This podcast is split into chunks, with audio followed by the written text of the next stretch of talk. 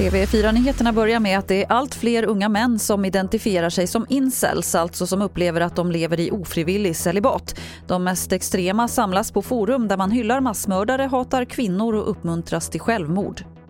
Det som är problematiskt med många av de här incelforumen är just att det är ett väldigt toxiskt eh, samtalsklimat. Eh, man uttrycker väldigt mycket hat och eh, hot och önskan eller fantasier om våldshandlingar. Chansen är väl givetvis större att någon begår ett våldsdåd som konstant tar till sig den här typen av material.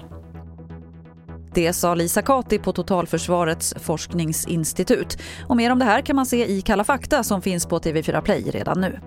Ett LSS-boende i Uppsala har lex Sara-anmälts till Inspektionen för vård och omsorg efter att en boende hittats på golvet i avföring, urin och kräks. Två gånger tidigare ska samma sak ha hänt men regionchefen på Humana som driver boendet säger till UNT att det inte är konstigt att det händer flera gånger och att det viktiga är att de gör förbättringar. Till sist kan vi berätta att man kan få hittelön på 10 000 kronor om man hittar krogpersonal i Malmö. Det rapporterar SVT. Så en pizzarestaurang i Malmö erbjuder nu hittelön till den som kan tipsa om personal som sen anställs. Fler nyheter det hittar du på tv4.se. Jag heter Lotta Wall.